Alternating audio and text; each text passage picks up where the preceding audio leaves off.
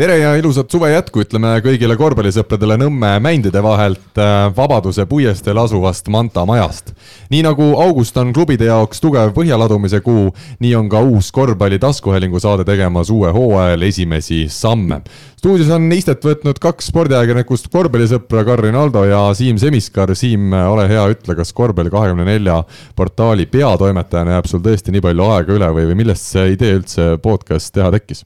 No tere, tere ka minu poolt, et esiteks, Karl, et ma parandaksin sind nii palju, et minu puhul pole enam tegemist spordiajakirjanikuga no,, no. vaid äh, viimased poolteist ja rohkem aastat olen pühendunud läbi Korvpalli24 portaali ikkagi täielikult korvpalli kajastamisele. aga eks podcast'i tegemine tunduski loomuliku järgmise sammuna, et jõuda ka inimesteni, kellel siis silmad suurest korvpalli vaatamisest võib-olla väsinud ja arvutiekraani vaatamisele lisaks tahaksid ka korvpallijutte hoopis kuulata aga üheks salaeesmärgiks, äh, ma ei tea, kas tohibki seda nüüd siin kõva häälega välja öelda. nii, kohe on..., kohe hakkad paljastama. no muidugi, miks me seda podcast'i siis ikka teeme, et. aga on siis äh, eesmärgiks tegelikult sind kui Võrkpall24 portaali peatoimetajat meelitada siis taas õige pallimängu juurde kus pole võrku vahel ja mängijad on omavahel pidevas kehakontaktis. ja see on nüüd väga õigesti öeldud, ma ütlen ausalt, et ma olen lapsest saati küll olnud suur korvpallisõber, aga viimasel aastal on tõesti piirdunud ikkagi Euroliiga ülekannetega nädala keskel ja, ja ütleme, Kalevi VTB ühisliiga mängud sai vist ka kõik ära vaadatud suuremal või vähemal määral, aga ütleme, kui sa võrkpalliportaalis uut üksinda teed, siis tõesti, ega nüüd päris nii lähedal sellele korvpallile pole enam olnud, nagu siin eelnevatel aastatel, kui sellest pidi igal pool kirjutama ja kommenteerima kommenteerima ka. aga tegelikult, Siim, ma saan aru, et ega meie kaks ei ole ju ainsad, kes siin täna stuudios on, meil on, meil on üks mees veel, kellele vähemalt minul on taas korvpalli mõistes suur au vaadata alt üles. jah, no kahekesi me ei saaks ju hakkama sellega, et seda meil, ei kuulaks keegi. meil on stuudios kolmanda saatejuhina siis teenekas korvpallitreener Marko Parkonen, kes põhimõtteliselt elab ja hingab korvpallist ning teab sellest spordialast kõike. tere! Tere ka minu poolt. no mina olen, kohe ütlen äh, nii palju, et äh, mina olen kuulnud, et sa saalis ikkagi häält teed kõvasti, et äh, kas sa nüüd ise usud, et see võiks ka raadiotegemisse üle kanduda kuidagi või need väga erinevad ametid? ei, nad on väga erinevad, ma arvan, et ma pigem häält teen jah, et saalis ja mängude ajal rohkem kui igal pool mujal, noh. seal ma olen väga rahulik vend mina ütlen, et mina tean Markot juba ammusest ajast, ma arvan, et tema mind nii ammusest ajast ei tea. umbes kümmekond aastat tagasi üks sõber võttis mind BC äh, Kalev Cramo kas mingi noortesatsi duublitreeningule, kus sina olid treener ja umbes, ma ei tea, kaks nädalat ma seal olin. olin küll alati esimesena kohal vist ja jäin ka pärast viskama aga kuidagi mulle tundus, et kergejõustiku kõrvalt, et ega must ikka korvpallurit õiget ei saa ja sinna mul see karjäär jäi pean tunnistama jah, et kahjuks ei mäleta ju siis ei olnud ikkagi mega suure talendiga tegu uh,? võib nii öelda küll Siim, mis ajast sina Markot tunned, tead? mina mäletan Markot äh, esimest korda siis, kui mina olin keskkooli võistkonnas, ilmselt kümnendas klassis äkki siis või üheksandas ja siis meil olid päris tulised lahingud kuskil kesklinna koolide vahelises äh, korvpallis. mõlemad mängisite mõlemad mängisime ikka jah ja,, jah. oota, aga Marko on kolmkümmend ühe, kolmkümmend kaheksa vist vanus või? ja ka Siim, sa oled ju noor mees veel. no ma olen tunduvalt noorem jah, aga ma olin nii andekas, et ma sain juba põhikoolis keskkooli koondisesse, et. kas Marko mäletab siis seda noort andekat Siimu? no pean jälle ütlema, et ma mäletan ainult ennast, noh ei, ma ikka mäletan jah, sest et ma tean, kahekümnenda keskkooliga meil oli kogu aeg mingid raginad seal ja nende juures me mängisime, enamus saal oli nii väike, seal ei saanud domineerida kõvasti. see oli rohkem jah, niisugune nii-öelda kodusaali tunne, et äh, seal sai siis äh, tugevamatele ja parematele meestele ikka kott pähe tõmmata ja mäletan ikka Marko lahkus ka sealt saalist ikka mitu korda nii-öelda, nutuvõru oli suur no,. ma ei mäleta seda väga hea. Äh, Marko, kui me tuleme natukene veel ajas tagasi, mis sind üldse korvpalli juurde tõi ja kuidas sa sinna juhtusid, no arvestades seda aega, kaheksakümnendate algus, mil siis äh, sina nägid ilmavalgust ja sealt edasi, see oli Eesti korvpalli jaoks ühtpidi mitte kõige kõvemad ajad, samas kui sinna kümneaastaseks umbes said, hakkasid need hiilgeajad jälle tagasi tulema, et mis sind korvpalli juurde tõi? aga oligi niimoodi, et äh, täiesti ootamatult kuskil teises klassis äkki läksin äh, siis vanasse Oski ja käisin seal trennis ja, ja niimoodi ma seal tiksusin ja aga kuna meie treener, minu treenerist nagu ma olin äh,, sattusin sinna teise gruppi, mis oli siis äh, minu, minuvanused ja aasta vanemad ja kuna põhisats oli juba kokku pandud Allan Torbeku poolt, on ju, siis sinna eriti löögile ei saanud, noh, see oli juba lasteaiast saati enam-vähem koos käinud. ja siis tegime seal ühe aasta ja siis me, minu treener läks ära ja siis ma kolisin teise saali üle, siis Torbeku pundi juurde, noh. ja seal ma veits tiksusin, tiksusin, tiksusin, aga eriti tähelepanu ei tulnud sealt, noh, sama tunne nagu sul see kahe nädalaga. sinuga jah. ja, ja siis kuidagi mingi hetk jäi nagu pooleli, aga ma ise nagu, kuna ma hakkasin ise nagu nii palju mängima, noh. et äh, siis ma nagu mängisin kogu aeg õues, õues. sa olid Mustamäelt siis, ma saan aru, pärit umbes või? ei ole, Kassavast. ja kogu aeg õues. oota, aga Oskis mängisid? jah. nii? no mis siis on? nii see nüüd jälle minu kohe see korvpalliteadmatus tuleb, tuleb esile. Kassisabast Mustamäele ei ole eriti raske minna. ahah, kus see täpselt on? siis sõitsid ka bussid, et see ei ole nii vana aeg. kus see Kassisaba on? Kassisaba on äh, seal Wismari ja Toompea juures. aa, selge, tõesti ei ole kaugelt tulla, trolliga isegi sõitnud seda lapsena päris et, palju äh,. ja sealt oligi, siis mingi paus oli sees, aga ise kogu aeg mängisin ja jälgisin ja mingi sihuke, kuna ma olen kogu aeg lapsest peale mingi spordi vastu mingi imelik friik olnud, nii et noh kõik olümpiamängud ja kõik asjad on nagu ära vaadatud ja. et see ei ole ainult korvpall? ei ole, ei ole jah, aga noh, korvpall lihtsalt on nagu number üks noh. aga tänaseni, ütleme täna sa oled puhtalt korvpalli peal või sa jälgid siin kõrvalt veel teisi alasid ka, nii nagu me siis, me Siimuga üritame teha? Äh, ma jälgin, aga. aru ei saa? Äh, eks ma saan ikka aru ka, aga ma ei, ma ma olen loobunud jälgimast nagu suure huviga suusatamist ja jalgpalli. Noh. aga panid, Karl, tähele? saan aru sellest põhjustest ka aga kas sa panid tähele, et siis, kui sinu poolt kerged küsimused tulid, siis mehel tuli mälu tagasi, et hakka selle ja. mäletama? jaa, nii ta on. ja, aga jah, jalkat ma tavaliselt nagu noh, seda on nii palju, et ma seda enam ei viitsi vaadata, et ma vaatan ainult neid Champions League'i mingi play-off'e ja on kõik, noh. aga mul siis järgmine küsimus, et äh, võib-olla see on niisugune raskem küsimus, et aga miks siis sinust mängumeest ei saanud? no siin on omad põhjused. siin peab eraldi saate tegema, et need ette lugeda. Äh, äh, pigem on nagu jäi mu enda taha ka midagi.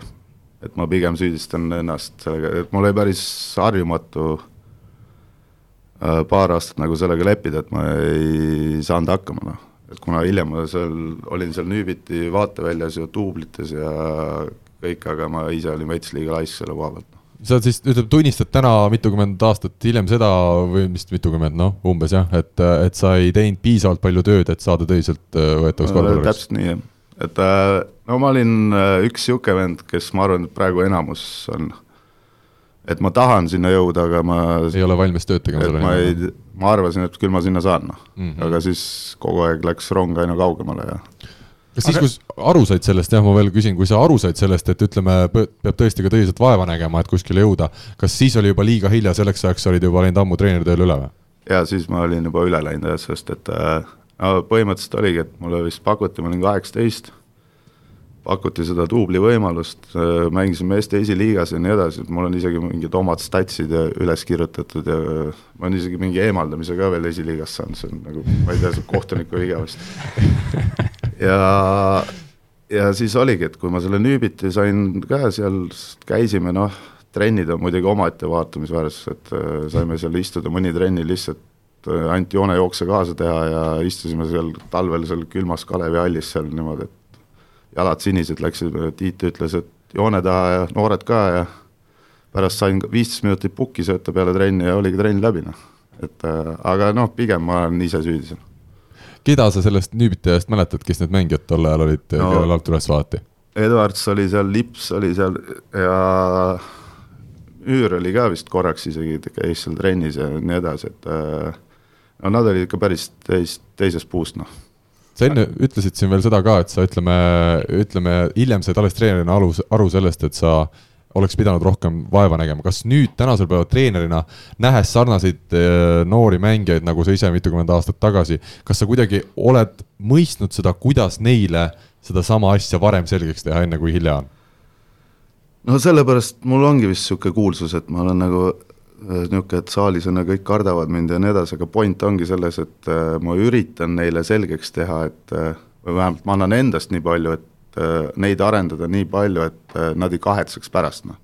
et ma ei viitsinud teha või mis iganes, et et praegu ma lihtsalt push ingi mängijaid nagu nii palju ja kogu aeg survestan, et nad võiks juurde teha, et noh, okei okay,, kui ei tule, ei tule, aga mis siin ikka teha, noh. aga see on palju hullem, kui sa pärast mõtled, et oh, oleks võinud, noh aga see treeneri ambitsioon tekkis sul kohe varakult, kui sa need esimesed võimalused said või sellega läks nagu aega pikemalt uh,? ei, see oli huvitav nagu väljakutse, noh, et uh, ma sain uh, Kalevi korvpallikoolis sain niisuguse kolmanda grupi ühes aastakäigus, et uh, seal siis, ei olnud kõige suuremad talendid koos? jaa, jah, ta oligi, et siis nendega nagu proovisime ja käisime isegi mingid võistlustel Soomes ja kuskil ja niisugune for fun rohkem, et äh, aga sealt kuidagi sai jah, et siis äh, lõpuks oli, ma tean, et vist German Märt oli ka seal, oli soovitanud ja minus midagi näinud, nii et ja sealt hakkaski peale, sest German mulle tunnistas seda siin üks aeg, et ta on ikka, ta nägi minus ja ta ikka soovitas ja kõik, et mind ei tohi raisku lasta ja nii edasi, et räägi, jaa, Siim, ma lasen sul ka vahepeal küsida. ära sega kogu aeg vahele mida see German sinus siis nägi, kas ta hiljem on seda nagu välja ka toonud, et eh, mis, mis temale silma jäi? jaa, ei ta seda ütleski, et nagu no lihtsalt, et kuidas ma teen, kuidas ma näen, kuidas ma parandan, kuidas kuidas ma olen keskendunud nendesse asjadesse ja no selle pealt nagu lihtsalt, et äh, okei okay,, noh, ma kujutan ette, kui ma esimese grupiga seal midagi tegin, et siis see oli nagu umbes mingi suht suvaline värk, aga aga no esimesed grupid tavaliselt peavad, lähevad nagunii aia taha, nii et väga harva, kui esimest kohe mingid maailmameistrid tulevad, noh üheksakümnendad aastad olid Eestis murrangulised eh, juba puhtalt eh, riigikorra vahetumise tõttu. mida sina sellest, eh, nendest aegadest mäletad seoses korvpalluri teega, sul tuleb kohe muie näole, ma saan aru, et lugusid, mida rääkida võiks vist, on küll, et, et elu ja, ja korvpall, need tihti ka nagu hakkasid omavahel segunema, jah? ikka, ikka, no et see, kuna seal enamus asjad ju toimusid ka kassisabas, noh, ehk seal Irve pargis ja Toompeal, on ju, mul oli sinna kodunt minna on viissada meetrit üle tee on seal ka lärmata samamoodi, aga ei no seal ikka kõvad mingid action'id käisid kogu aeg seal, kes aiateivastega seal käidi seal suuri miitinguid tegemas ja siis kaklused ja kõik muud asjad, noh, see käib noorena asja juurde, noh, et eestlased, venelased ja nii edasi. aga kuues mai tuhat üheksasada üheksakümmend üks äh, Eesti korvpallisõpradel, mina pean tunnistama, et siis oli Eesti taasiseseisvumine iseseisvumiseni kolm kuud minna, minu sünnini oli veel aasta ja kolm kuud minna, et ma tunnistan, et mina siis ei olnud äh, saalis, kui Kalev Nõukogude Liidu meistriks krooniti. sa ei mäleta täpselt, jah? ei, täpselt ei mäleta, et äh, kas sina, Marko, olid saalis või sa olid Hirve pargis siis veel äh,? ma, ma ütlen ausalt, ma ei mäleta viin-, finaali kohta, aga ma käisin väga palju neid mänge vaatamas sellel hooajal, noh kuna.... siis on ikka, mees on õigesti. ma isegi võitsin seal vist mingi viskevõistluse, mingi Triik Raua või mingisuguse asja, kogemata What? panin kuskile. ja paneme, ütleme nüüd noored, meil on nii palju kindlasti noori kuulajaid juba sellel saatel, et omal ajal, üheksakümne esimesel aastal võita Triik Raud, no sellega sa läksid koju ja sa ei pidanud mitte midagi, ema oli, ema oli aasta jagu oli lapsega rahul. ma saan selle üle panna põhimõtteliselt, mina võitsin viskevõistlusel kilo banaani ka see on kõva värk, sest et äh, me rääkisime äh, õnnestus äh, juuni algus käia seal MBA kämbis, noh. ja siis rääkisin mingi agentidega selle, prantslastele üritasin seletada, et äh, et me saime kunagi, või banaani ma sain esimest korda siis, kui ma olin üheteistaastane või kümneaastane, siis vend ei saanud aru, mis asja, noh. aga see triikraud on alles? ei ole, ei ole, see on juba ammu kuskil ära kadunud aga ühesõnaga mälestusi sul sellest ikkagi Nõukogude Liidu lõpuperioodist ja, ja meie korvpallurite uue generatsiooni kasvust on, on, on küllaga? on, on, see, see, mulle on see nagu, mulle väga meeldis seal, noh. elu oli niisugune lill ja roheline. muresid ei olnud, eks ole, jah, nii palju? no ise tekitasid ikka, noh. seda küll, jah. Neid võis isegi rohkem olla kui praegu kus sina neid Kalevi spordihallis neid suuri mänge vaatasid, kus oli puupüsti täis, kas sa olid see vahe, vahetrepimees või kuskil seal taga, nii et mängu ei näinudki, aga kuulsid? korvi all vahetrepimees. igal pool? ja kuskil kõikide selja taga ei saanud midagi aru, siis pidi endale hakkama ruumi tegema ja noh, ikka peaasi, et möll oli, noh et sellega võrreldes see tänapäeva korvpall, et, et tuled vaatad, et kas mõni teine inimene on ka tee saali leidnud, et see on natuke teistsugune kogemus jälle, jah? on, on, see praegu on muidugi täiesti mõttetu, no lähed sinna saali, siis enamus istuvad telefonides, vaatavad midagi, noh, istuvad kogu Saku Suurhalli peale iga rea peal istub üks inimene, no seal ei saagi üldse mingit tunnet tekkida, noh. ja ütleme sellest ka meeskonna tulemus äh, teinekord võib väga palju mõju, mõjutada, kui sul on selline atmosfäär, nagu meil Kalevis oli ikkagi. ei, kindlasti, see enamus ongi, et äh, võtad siin need kõik lõunamaalased ja need, seal on ikka sats rahvast taga, siis küll tuleb, noh. aga sa oled ju nii-öelda väga tihedalt seotud naiste korvpalliga, kus need publikunumbrid on äh, veel väiksemad, et kuidas see on, kui sa, ongi kaks inimest vaatab ja sinu hääl kõlab saalis selgelt kõige kõvemini? Äh, eks ennast on veits raskem võib-olla käima tõmmata sellega, noh, et äh, aga noh, et tuleb harjuda, noh, et sama võib ju küsida siin on. VTB treenerite käest ka, et mis tunne on, kui on viissada inimest ainult saalis, et ei no aga mina oskan oma erialalt öelda, kui sa mänge kommenteerid, on väga suur vahe, kas sa kommenteerid, ütleme, Kalevi spordihallis, mis on siis täis, kommenteerid VTB ühisliiga mängu, kus Kalevil ongi see iga mäng seal põhiturniiril väga oluline, või sa kommenteerid kuskil Pärnus Pärnu ja ma ei tea, Valga põhiturniiri mängu, kus sa sisuliselt tead, et ega seal põhiturniiri lõpuks ikkagi nad mõlemad pääsevad play-off'i ja, ja see tänane mäng ei loe mitte midagi ja sul on publikut ka saalis niisugune sada, kakssada, kolmsada, nelisada inimest et see on ka, see on noh, ükskõik, kus sul see, mis ametit sa teed, see publik nagu see mõjutab, et väga raske on ennast sellises ütleme, väga vähetähtsas mängus ka väga palju endast nagu kommentaatorina anda või emotsiooni luua. jah, eks ta on jah nii, aga noh, see publiku värk on üldse, et mulle tundub, et äh, ma ei saagi praegu nagu aru, et Eestis vist äh, ei olegi nagu number ühte sporti, noh. et äh, kõik on nagu suvaliselt, ah, viitsin, lähen, ei viitsi, lähen, on ju käiakse ühe korra ära, kui keegi kaotab, on ju, siis on niimoodi, ah mõttetu, miks ma sinna läksin, et nüüd ma lähen järgmine aasta uuesti, noh et äh, ja sellist fännikultuuri või kogukonnakultuuri, mille oled spordis välja kujunenud, pigem on nii, et kui jalgpallikoondis on pääsenud EM-il play-off'i, siis kõik lähevad sinna, isegi need, kes ei ole kunagi jalgpalli varem mänginud ega, ega näinud, aga ostavad selle kalli pileti, täpselt samamoodi on meil mingisuguses võrkpallis, kui võrkpallikoondis mängib hästi, ollakse saalis, eks ole, aga sellist kultuuri, et nüüd me käime Florat vaatamas või me käime mingit BC Kalev Cramot vaatamas, et niisugust ikkagi päris ei ole meil. jaa, et nii see on jah, aga noh, eks see tuleb juba, kui me võtame Kossu poole pealt, see siis ikkagi peaksid mängijad, kes tahavad kuhugi jõuda, peaksid ikka mängu vaatama ka noh, et õppima seda enam, et okei okay,, isegi kui meie tippklubid on ükskõik, kes siis mängivad, on kellega ja siis isegi kui nad ei, neil võib-olla ei ole varianti, siis tuleb lihtsalt vaadata vastaseid, noh. mida nad oskavad, mida nad teevad, on ju, läbi selle tuleb õppida no aga ma toon äh, jutu korra tagasi selles suunas, et olid ajad, kui publik käis vaatamas ühte konkreetset treenerit Eesti meistriliigas, see oli Andres Sõber. alati tema pingitagune oli rahvast paksult täis, see oli, see oli koht, kus olla, sinna oleks võinud veel eraldi pileteid müüa. vipp-tsoon nagu põhimõtteliselt, jah. et kas äh, sa ei ole mõelnud, et võiks olla samasugune treener, et siis äh, pealtvaatajad ei tule mitte mängu vaatama, vaid tuleksid sind vaatama? ei, pigem mitte noh, et äh, ma ikkagi tahaks niimoodi, et äh, kõik, kes saali tulevad, siis nad vähemalt näevad, äh, vähemalt minu puhul, et näevad selliseid võistkondasid, kes nagu üritavad võidelda ja kes üritavad midagi näidata, noh.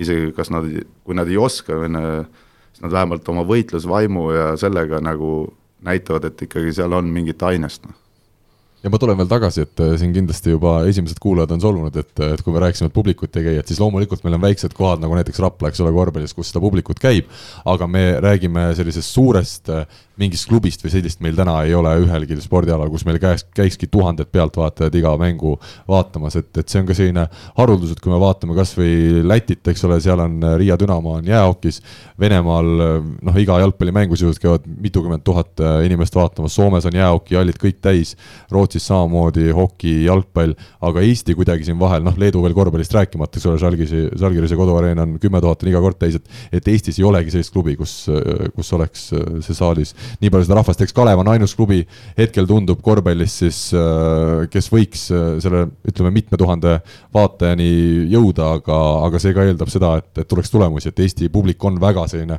tulemusele orienteeritud, kui tulemust ei ole, siis ei ole ka inimesed saalis.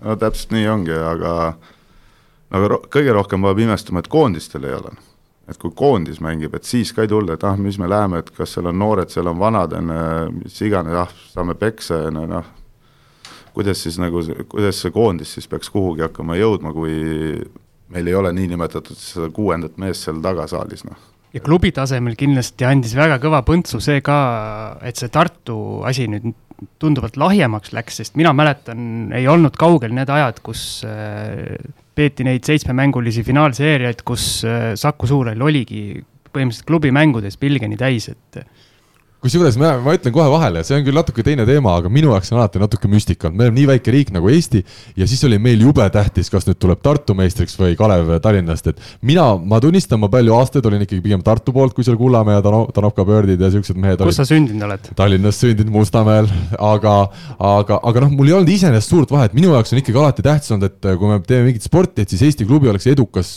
välismaal. ja seepärast minu jaoks näiteks VTB ühisliiga ja seal hästi mängimine on kuidagi nagu eestlane ülioluline, et, et me seal nagu tegutseks hästi, see, kas Tartu või Tallinn võidab, kokkuvõttes ei ole Eesti korvpallil mingit vahet seal. aga näed, rahvast huvitas. jah, rahvast huvitas ja tundub, et minu kõrval äh, Siim Semiskar on üks, üks paljudest, kellele see oli väga tähtis. kumma poolt sa olid ma olin ikka Tallinna klubi poolt, kuigi ma ei olnud, ma ei olnud tartlaste vastu ahah, sa oled väga aga, hästi poliitiliselt korrektne no,. nii palju ma olen kuulnud ja noh, erinevat, et äh, on ka need muljed peale seda, kui need seeriad seal, see kestis nagu viis-kuus aastat oli täis, on ju, siis lihtsalt rahvas nagu lõpuks väsis, väsis ära, et neid mänge oli liiga palju, no seal oli vist põhiturniiril neli mängu vahepeal ja siis veel seitse play-off mängu, on ju, kui sa üksteist korda vaatad ühte sama mängu, on ju, siis sa lihtsalt väsitad ära ja ja kuna see süsteem vist läks, viiski lõpuks selleni, et enam ei viitsinud rahvast seal ka käia, noh. et eh, ega ma arvan, et kui on Ritas Žalgiris mängib vähemalt ütleme kuskil seitse-kaheksa aastat tagasi, siis seal oli ka täismaja ja kui nad mängisid Eurokappi, siis ei olnud. et eh, noh, neil on ka ikkagi see oma tarbija on seal päris kõva, noh.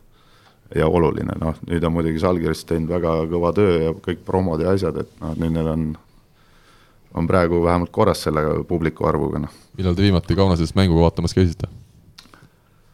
ma ei tea, ma käisin äh, Ateenas vaatamas Aha teist klassikat, nii et see on vähe kõvem. trumpad üle kohe no,, läksid kaugemale jah ja.? nii, Siim on käinudki, see Tallinn-Tartu finaal oli tal viimane kossumäng. ma mõtlesin, et sa hakkasid Markot järsku nagu poole saate pealt hakkasid teietama või, või siis küsid minu käest ka? ma ikka võtan sind ka veel jätkuvalt nagu ühe stuudioliikmena arvesse. okei okay,, ma ikka siin Kaunases äkki kolm aastat tagasi.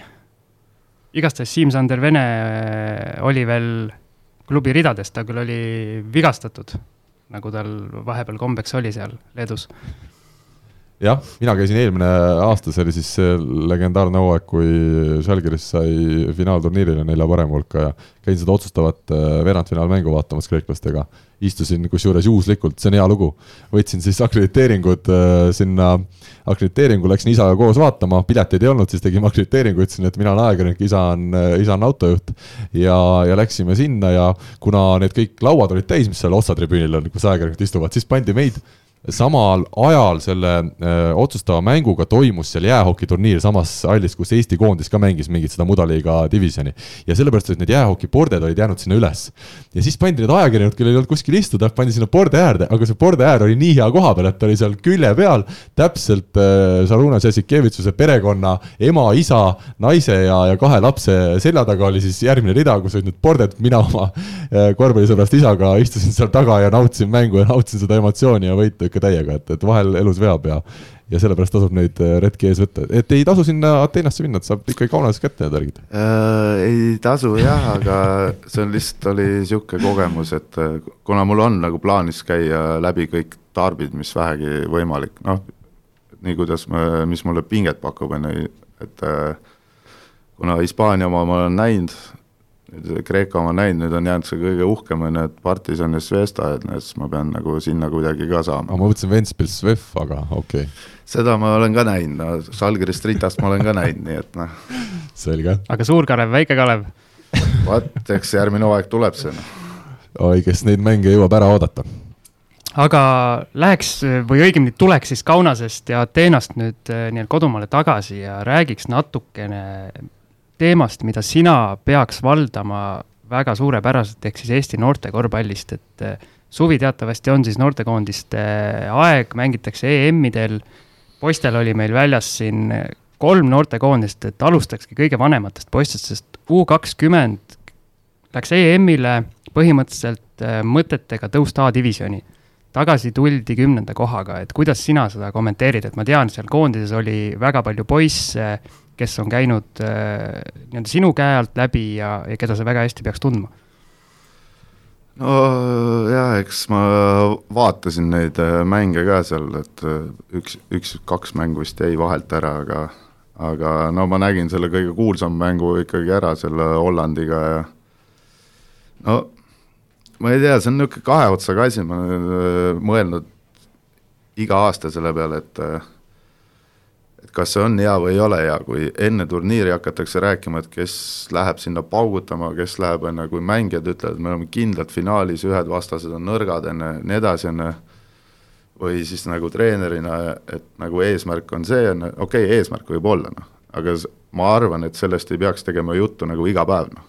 et sa ühe korra mainid kuskil ära, noh, keegi ei lähe sinna kaotama, noh kõik eesmärk ongi põhimõtteliselt on äh, kolme hulka jõudmine, see on ilmselgelt paika pandud, aga et kui nagu igaüks hakkab nagu, räägib kogu aeg, et me lähme lähme, on ju, siis noh, ma ei tea, mina arvan, et see on nagu vale, et pigem tuleks keskenduda mängudele, võtta samm korraga, sest et kui sa alguses annad lubaduse ja pärast see ei täitu, on ju, siis tambitakse veel rohkem. Ja teades, et eestlased on suht õelad inimesed ka, siis nagu sa saad iga asja eest, noh ühtpidi jah, ma olen, ma olen nõus sellega, et iga päev sellest ei maksa rääkida, aga samas eestlastele tihti minu arust jääbki just see nagu, saab saatuslikuks, et äh, me juba ise mõtleme, et oh, et tore, et me sinna turniirile pääseme või et äh, noh, okei okay,, B-divisionis me niikuinii osaleme, aga et aga et ütleme, et me ei ole tihti nii enesekindlad, nagu on mingid lõunamaa riigid, kes, kellel ei ole vahet, kes seal vastas on, vaid nad lähevad igal juhul nagu seda mängu võitma. et ma saan su mõttest sada protsenti aru, et see keskendumine ei peaks olema kindlasti sellele, et me läheme nüüd turniiri võitma,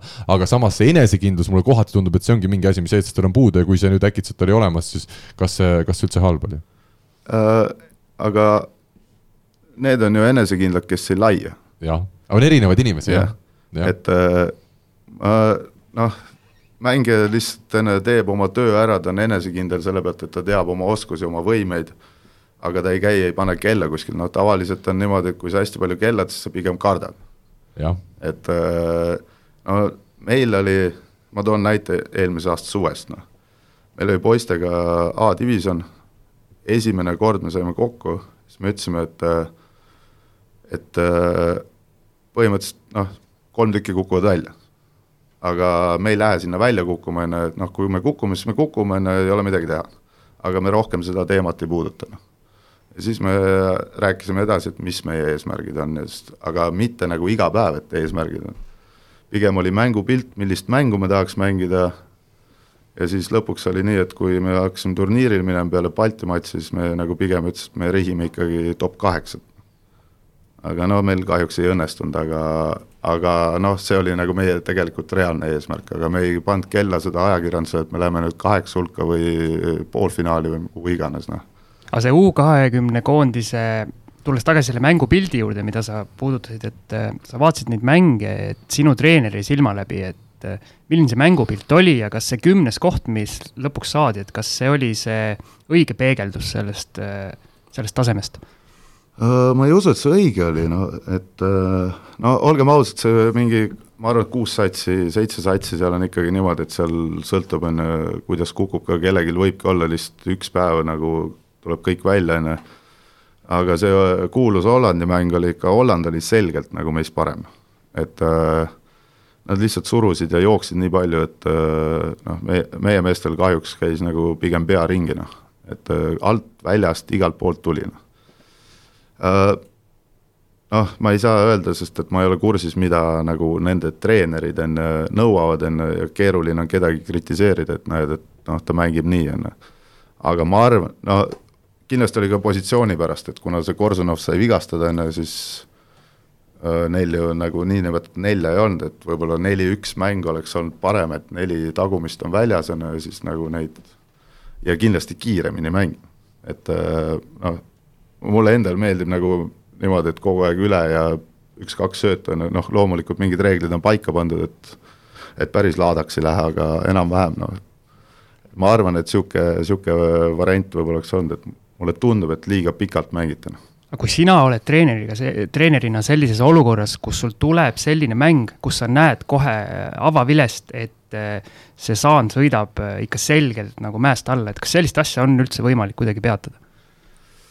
No kui mul nii läheb, siis noh, ma peatan seda niimoodi, et ma siis panen nagu oma volüümi seal põhja ja siis vahetan ja natukene võib-olla sõiman ja nii edasi, et üritan midagi teha aga lihtsalt tempo tapmisega on võimalik, noh, sa kogu aeg otsid neid vendasid, et lõpuks sa ikkagi leiad, aga kuna need vahetused kõik vaata tapavad ka vastase tempot, on ju, siis on nagu hea võib-olla leida ja lõpuks sa kindlasti leiad need viis venda, kes hakkavad mängima. et äh, aga ega, ega ta kerge ei ole, noh. aga noh, proovima peab ikka, noh.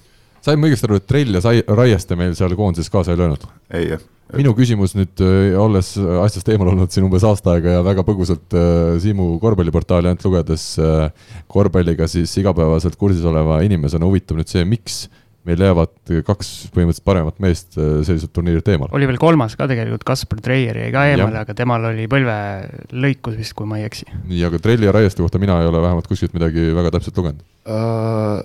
eks otsused olid juba varem tehtud, noh, et nad jäävad koondist eemale, et uh, Äh, trelli puhul oli see, et noh, kõigepealt oli see MB trall, on ju, siis suure tõenäosusega need USA-s igasugused kämbid, asjad, siis teiseks oli see, et äh, Bamberg tahtis teda vist suht varakult äh, Saksamaale tagasi, et temaga individuaalselt seal äh, tööd teha ja nii edasi, nii edasi äh,.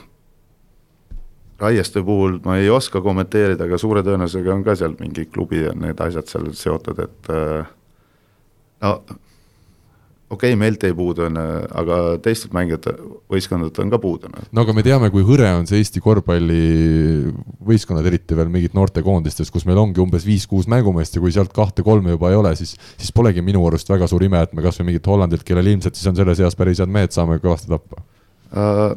no mul on selle kohta võib-olla ka oma arvamus, et uh, me võtame liiga vara neid nooremaid koondisse, noh ja neil tekib mingisugune tüdinemus, et ja. Äh, kui sa oled äh, noh, sa oled aasta varem, on ju, ütleme näiteks U kuusteist, sa oled aasta noorem, sa paned suve lõpuni, siis sa lähed järgmine aasta oma vanusesse, paned suve lõpuni.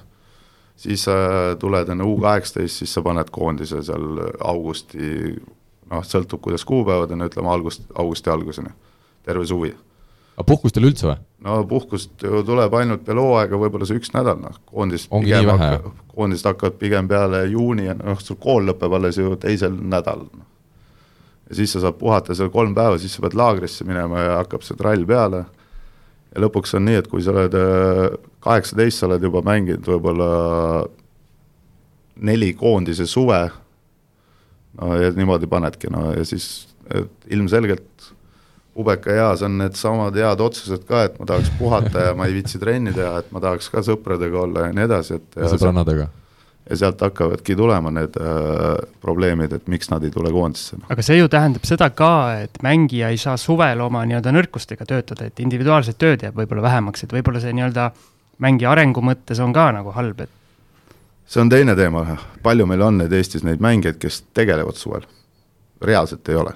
mina näiteks ei tea mõni üksik äh, mängija on, kellega, ma ei mõtle seda, et mängijad on oma pead, teevad trenni, no see on noh, ma ei saa seda öelda, aga Allan Torvekul oli hea sõna selle kohta, on ju, et mille, millega ei tasuks tegeleda, on ju, kuke ja siis on ju, et äh, aga paljud suved mängijad teevad treeneritega näiteks saalis trenni, sest et mina arvan, et noormängijal peab olema keegi juures, kes utsitab, sama on äh, ma nägin kaks aastat tagasi olin Balti matšil ja Sabonise korvpallikoolis ja kõrvalsaalis oli Läti koondise vennad Meieris, Meiers, leedukad, esiliiga, meistliiga mängijad, kuuekesti ja tegid seal trenni ühe Leedu ja Prantsuse treeneriga. kaks nädalat järjest täiega. esimene nädal ainult point guard'ide ülesanded, ehk siis pi-, pikad õppisid põrgatama ja nii edasi, on ju, kuigi nad olid juba mingi kahekümne viie aastased, kahekümne nelja aastased ja siis olid, äh, teine nädal oli siis nagu pikkade asjad tagamängijatele pikkadele. ja nüüd vaata, kus see Meieris omadega on, noh, et reaalselt on suvel töötanud nii palju, et ta klass on ikkagi selgelt kõrgemale läinud. meil on noh, meil ei ole seda kultuuri ja ma arvan, et meil ega eriti ei ole meil ka niinimetatud profi neid korvpallureid, noh. sest ma tean, et üks, üks mängija maksis kunagi ise äh, omast taskust päris suure summa sellel ajal, et teha trenni suvel eratreeneriga, aga mitte Eestis. et äh, noh. seda nime sa ei saa öelda, jah? ei no ma võin öelda, see on äh, Siim, noh, et äh, mitte no, Siim Semiskar, vaid Siim-Sander Vene ilmselt, jah ja,?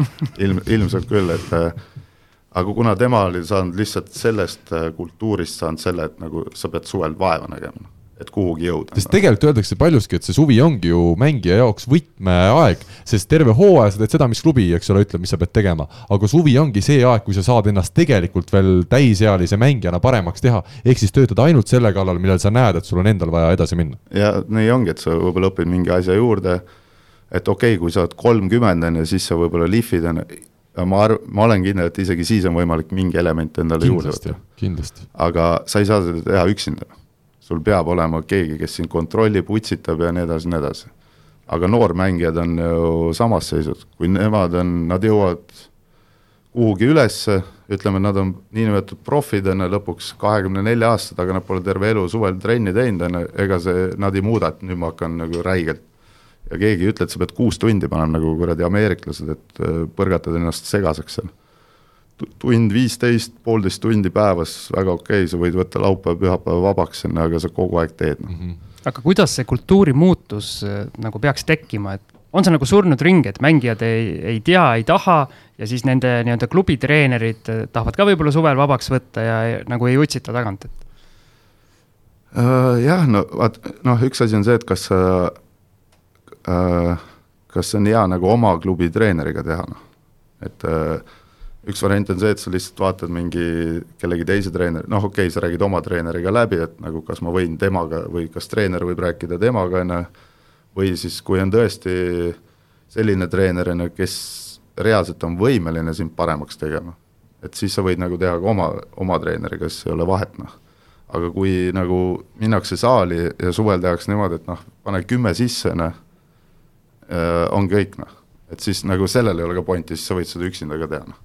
Et reaalselt on see, et vigu oleks vaja välja ravida ja milleski asjas paremaks saada ja nii edasi, nii edasi, nii et noh, ma ei tea, see on minu mõte, nii et noh, mulle on jäänud selline mulje, noh. no eks me jõuame jälle siin äh, väga suure pildi vaatamiseni, et kui me võtame kas või siis esiklubid äh, Eestis Kalev ja ütleme, Leedus Žalgiris, ma arvan, et seal tuleb juba suur vahe sisse, ma eeldan, et Žalgiris oma megasuure noortesüsteemiga, seal on need suvel ka need kõik grupid, see kogu see töö on väga süstemaatiline, kuidas mängija hakkab kuskilt madalast klassist pihta ja lõpuks jõuabki sinna Žalgirisse või veel kaugemale välja, siis samal ajal Kalevis noh, mitte midagi halba, ma olen väga suur Kalevi selles suhtes toetaja, nende noh, meeskonna jälgija, aga minu teada nad suvekuudel ju see põhi nii-öelda meeskond ei tee ju mitte midagi, nad hakkavad alles siin augusti eespooles kogunema ja, ja sealt hakkab see kõik pihta, sul ei olegi Eestis, parim klubi ka ei tegutse suvel, eks ole, mitte midagi ei tee, et. no eks see, see ongi see, okei okay,, klubist ma saan aru, äh, kuigi Žalgiris jälle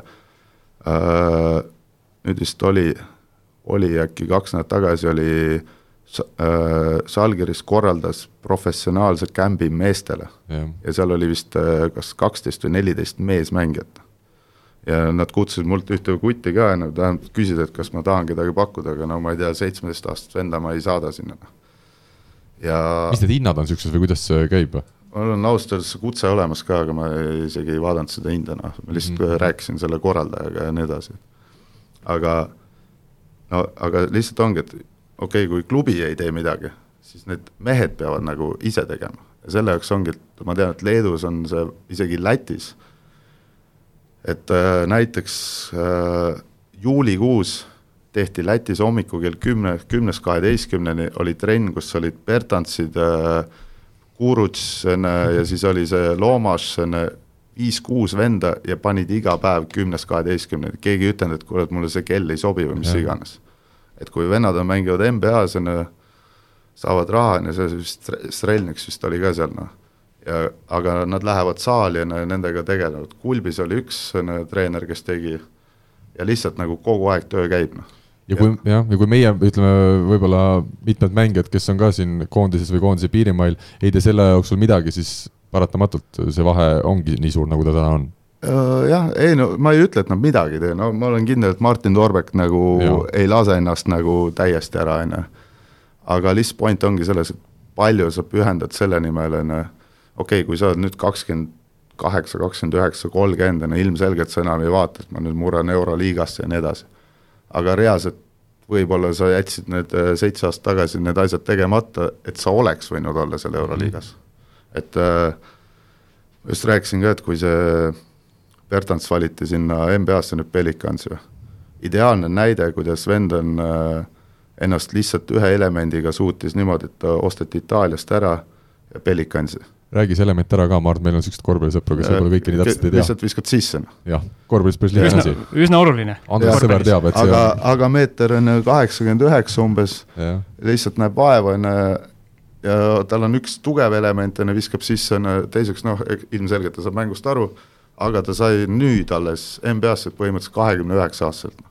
ja meeter kaheksakümmend üheksa pikk nii et äh, keegi ei ütle, et sa ei või sinna jõuda. ja minu arust see ka näitab, mida kõrgemas eas sa lõpuks jõuad kõrgemal tasemel, seda näitab äh, rohkem sinu sisu, eks ole, et ilmselt ta ei olnud seal kahekümnendate alguses võib-olla nii talendikas mängija või siis ta ei pühendunud nii palju, aga kui ta ikkagi kahekümne üheksa aastat annab, annab veel karjääris nii suure sammu edasi, siis järelikult ta on mingid asjad teinud kuskil õigesti. jaa, eks, eks see ongi noh, et lihtsalt me peame nagu oma mängijatele samamoodi kuidagi kohale jõudma, et nad peavad hakkama nagu suvel vaeva nägema et äh, kõik see puhkus ja kõik on ilus, on, et sa puhkadki seal peale hooaega ja nii edasi, aga ma räägin, see poolteist tundi päevast tööpäeval nagu noh, see ei häiri, see ei häiri kedagi, on ju, et lihtsalt sa lähedki, teed selle poolteist tundi ära, on ju, sul on terve päev vaba, järgmine päev uuesti, nädallõpud võid olla vabad, on ju, ja nii edasi, et no minule tundub ka, et see on nagu see jutt, mida sa räägid, on hästi elementaarne profisportlase elu, mis peaks olema, et et suvi on küll vaba nii-öelda klubi mõistes, aga see ei tähenda, et, et sa nii-öelda võid ennast lõdvaks lasta ja kümme kilo juurde võtta, et mulle ka tundub, et kui sa oled profisportlane, siis see mõtlemine juba peaks idee poolest olema selline, et sa teedki nädala sees jätkuvalt selliseid trenne, need ei ole nii võimsad, nagu sul klubihooajal on, eks ole, aga sa hoiad ennast vormis, tegeled mingite nüanssidega ja täpselt nagu sa ütlesid, nädalavahetused võivad vabad olla ja sa võid keskenduda just nendele oma asjadele, mida sul on vaja arendada. aga mulle on just äh, jäänud viimastel aastatel võib-olla sügavamalt sinna korvpalli sisse minnes äh, sihuke mulje, et just see noor generatsioon, kes praegu üles kasvab ja on juba nii-öelda välismaal või sõbrad on välismaal, et et need mehed nagu saavad aru, et suvel tuleb tööd teha ja ma siin tean, noormängijad käivad sealsamas Siili saalis mangumas, et saaks, saaks saali ja visata ja et kas see on nii negatiivne, nagu me just siin rääkisime või sa näed mingeid nagu siukseid äh, nagu. ei, see ei ole negatiivne, see on selline tendents tundub pigem olevat, et loomulikult alati on mingeid erandeid, kes on, aga jah, noorte kohta väga ei, ma tean ka, et äh, on teatud mängijad ja ma tean, kes seal käivad ka, et ma nagu ei ütle, et üldiselt on ju, aga need on kolm-neli meest, on ju, viis meest. kas me räägime ah. siin trellidest, raiestest ja, ja Kullamäedest no,? no põhimõtteliselt, et las need nimed olla, aga umbes sealt pundist, seal üheksakümmend üheksa, kaks tuhat ja nii edasi. aga, aga meil on neli meest aga me räägime, et äh, meil ei ole mängijaid, ju, kui näiteks äh, suvel on äh, ütleme, kuueteistaastane, viieteistaastane, meil on viisteist, kakskümmend venda. ma ei ütle nagu maailma tipud, on ju, kui need kakskümmend mängijat teevad trenni jätkupidevalt, on ju, las need neli tükki lõpuks lähevad Euroliigasse või kuhu iganes, on ju, aga me saame kümme mängijat meistriliigasse, noh. sa kujuta ette, no mis ma vaatan seda, kes meistriliigas mängivad, on ju, siis reaalselt see, kus me saate algust saime, siis sellesama tasemega ma võiks praegu, oleks võinud ka seal mängida täiesti vabalt, noh. et äh, et praegu lihtsalt saab meistriliigasse nii kergelt, enne kui sa viitsid kossu veits mängida, siis palun väga, noh mm -hmm.. aga point on selles, et mis, kõik tahavad kuhugi minna, on ju, mis sa teed selle jaoks, et sa mm -hmm. tahad, noh. tahan välismaale, no okei okay,, noh, väga tore, noh ma küsin nüüd siit jätkuna seda, kus me ammu mitukümmend minutit tagasi üldse selle teemani jõudsime, et, et ei olnud siis Trelli ja Raiestet siin U kakskümmend koondises, et järelikult ma saan siit vähemalt enda jaoks positiivse signaali, et mitte nad ei viilinud kõrvale, vaid nad on ikkagi kogu suve töös olnud ja, ja sügisel nad peaksid idee, idee poolest olema paremad, kui nad nüüd kevadel olid. Lootus on, et see ei pruugi välja nagu paista kohe, et sa nüüd lähed, et kui ma teen kuu aega trenni, et nüüd on ilgelt on nagu nüüd ma olen kohe juba viis sammu edasi, aga sa lihtsalt harjudki sellega ära ja mingi hetk võib sul lüüa hoopis see asi, mis sa suvel võib-olla harjutasid, on ju, kuskil oktoobris-novembris võib välja lüüa, et noh, iseenesest noh mm. -hmm.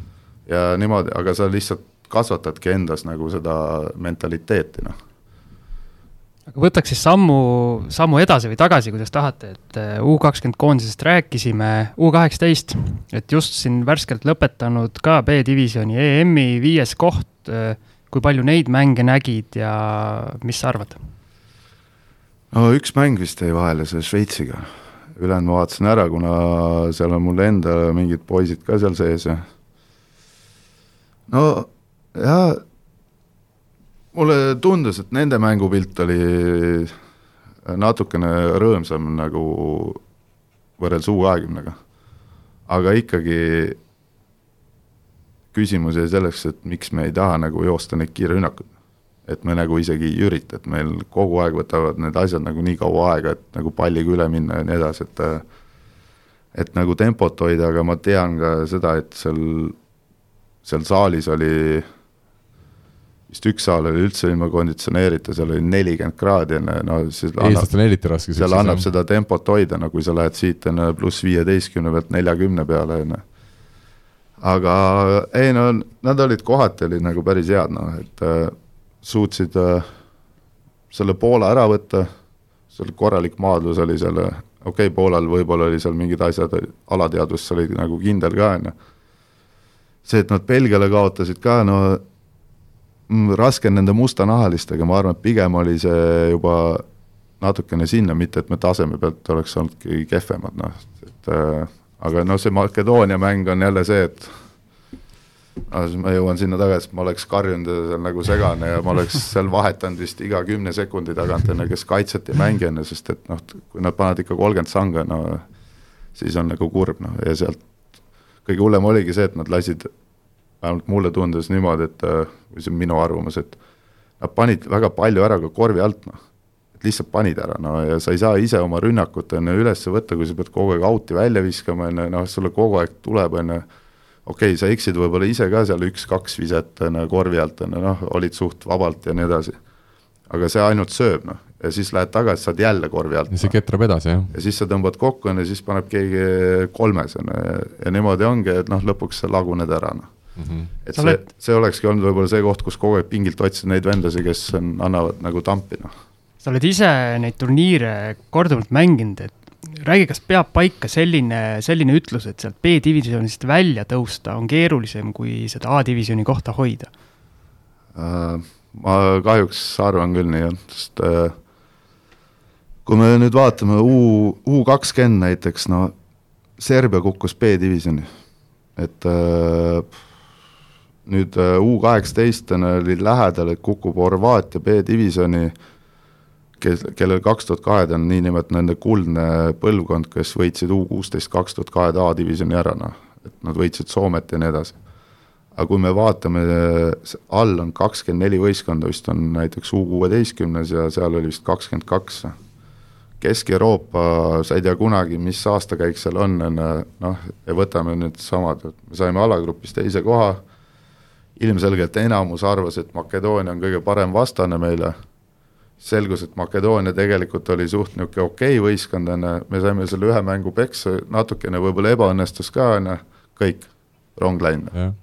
et äh, see on nagu nii, põhimõtteliselt sa pead, sul on viis mängu alagrupis, äh, ütleme, kolm mängu on suht tegelikult teravad, on ju, kuna sa ei tea kunagi, kes sealt tuleb, mingid Bulgaariad ja kes iganes, Rumeeniad, Šveitsid, on ju, järsku need oskavad mängida, on ju, sa pead seal nii palju pingutama ja siis sul on kolm mängu vaja täiega panna, noh.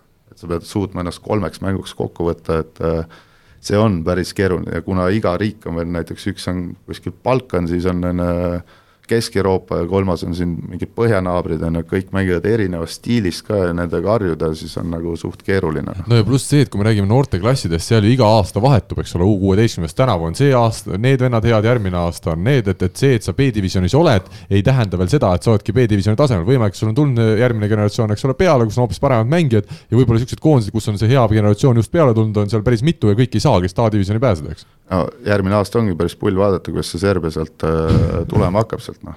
minu teada nad olid vist äkki U kaheksateist, kahe tuhanded olid seal kuskil eesotsas, kas medalil või midagi taolist, noh. et nad tulevad sealt, no ma tegelikult lootsin, et Horvaatia kukub alla, siis ma oleks tahtnud näha, kuidas nad seal oma superstaaridega seal mängivad, on ju. aga see on tegelikult huvitav teema, et äh, see süsteem on tegelikult ju selles mõttes, äh, ütleme, ta on ebaõiglane, arusaamatu isegi paljude jaoks, et kas sinu arvates oleks mingi parem süsteem selliselt, et mitte nii, et äh, a la üks koondis äh, nii-öelda nagu tõstab Eesti A-divisjoni ja siis järgmine aasta läheb, mängib uuesti B-divisjoni vanemas vanusegrupis, et äh. ega see on keeruline, ma tean, kuna varem oli see, oli hooaja sees, olid need alagrupid, noh. et aga siis oli ka, no just Germaniga siin arutasime ka, ma arvan, et mingi paar kuud tagasi ka sellest, et aga siis oli umbes niimoodi, et sul oli nädal, noh veebruarikuus sul on nädalane, sa põhimõtteliselt teed ühe viie päevaga või seal seitsme päevaga pead võistkonna valmis panema, siis sa lähed mängid alagrupi viis mängu. Aga see on hooaja sees, mängijad on paremas vormis, on ju, kui meil on nüüd neid nii palju välismaal, on ju, siis ei pruugi neid üldse kättegi saada. just, just sealt algab kõik. et jah. Äh, ma iseenesest arvan, et see on nagu okei okay süsteem, noh. et seda muuta ei ole nagu eriti võimalik, kuna on need MM-id ka, noh. et nüüd näiteks ongi U kuusteist on ju, paneme kohe pinged peale, peab tulema viie hulka, on ju, siis saavad MM-ile järgmine aasta. et äh, lihtne, noh ja no teine asi, see on nüüd meie Eesti väikeriigi probleem, eks ole, kes me oleme just seal A ja B divisjoni vahel tihti. aga ega suurriikidel, nad on ikkagi noh, kui me nüüd selle Serbia näite siin välja jätame, nad on ikkagi kõik põhiliselt A, ala, A divisjonis ja ega neil, neil nüüd sihukest kaalumist seal ei ole väga, et nad on ikkagi iga kord seal A-s. ja et aga seal tehti vist neli aastat tagasi või oli, tehti see muudatus, noh. Tegelikult need suurriigid olid hädas ja nemad hakkasid lärmama seal, et äh, kuna ennem oli nii, et alagrupi kaks paremat said kaheksa hulka ja kolmas-neljas jäid mängima üheksa kuni kuusteist. ja kuna loosi tulemustel sattus nii, et kolm näiteks kõva sats olid seal, on ju, siis keegi jäi kogu aeg välja ja.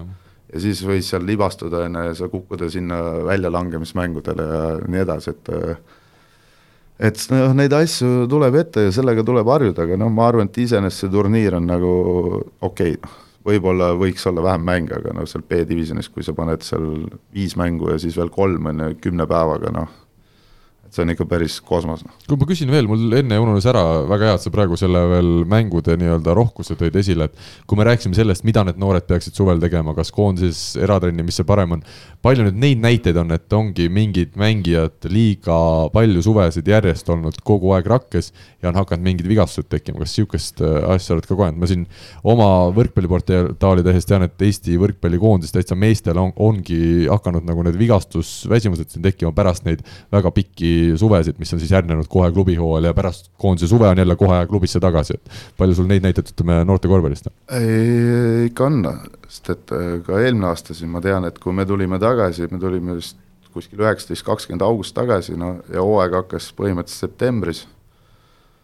mina andsin äh, enda poistele puhkust, äh, noh, ma ei tea, kuidas teised klubid käitus, kuigi see oli soovitus, et anda neile seal põhimõtteliselt kaks nädalat nagu vabaks, noh. ja aga seal oligi, et üks poiss, kes oli, oli mul EM-il kaasas, suure tõenäosusega ta võib-olla alustas kas ise liiga vara või kuskil oli kohe mingi turniir, ta võeti mängima ja ta oli, eelmine hooaeg oli väga lünklik, kuna ta sai korduvalt vigastada.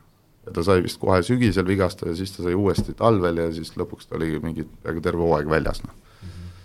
et äh, no ikka tuleb, aga eks see on niisugune mentaalne pool ka, noh, keha väsib ja pea väsib ja kõik muud asjad ka ja, ja klubi tahab ka ju, et oma mängijat igal pool kasutada ja noh, ja nii ta läheb, noh. ja kokkuvõttes on hästi individuaalne ka, et kes kui palju seda suve vastu kindlasti. peab ja kellele, mis nagu mõjub, eks ole. Äh, ma nagu ei ütle sellepärast, et meil on nüüd need mängijad ja need, nad panevad iga aasta nagu järjest koondist, on ju, noh kui ta on hea mängija, kui ta on peast korras, on ju, siis miks mitte, noh.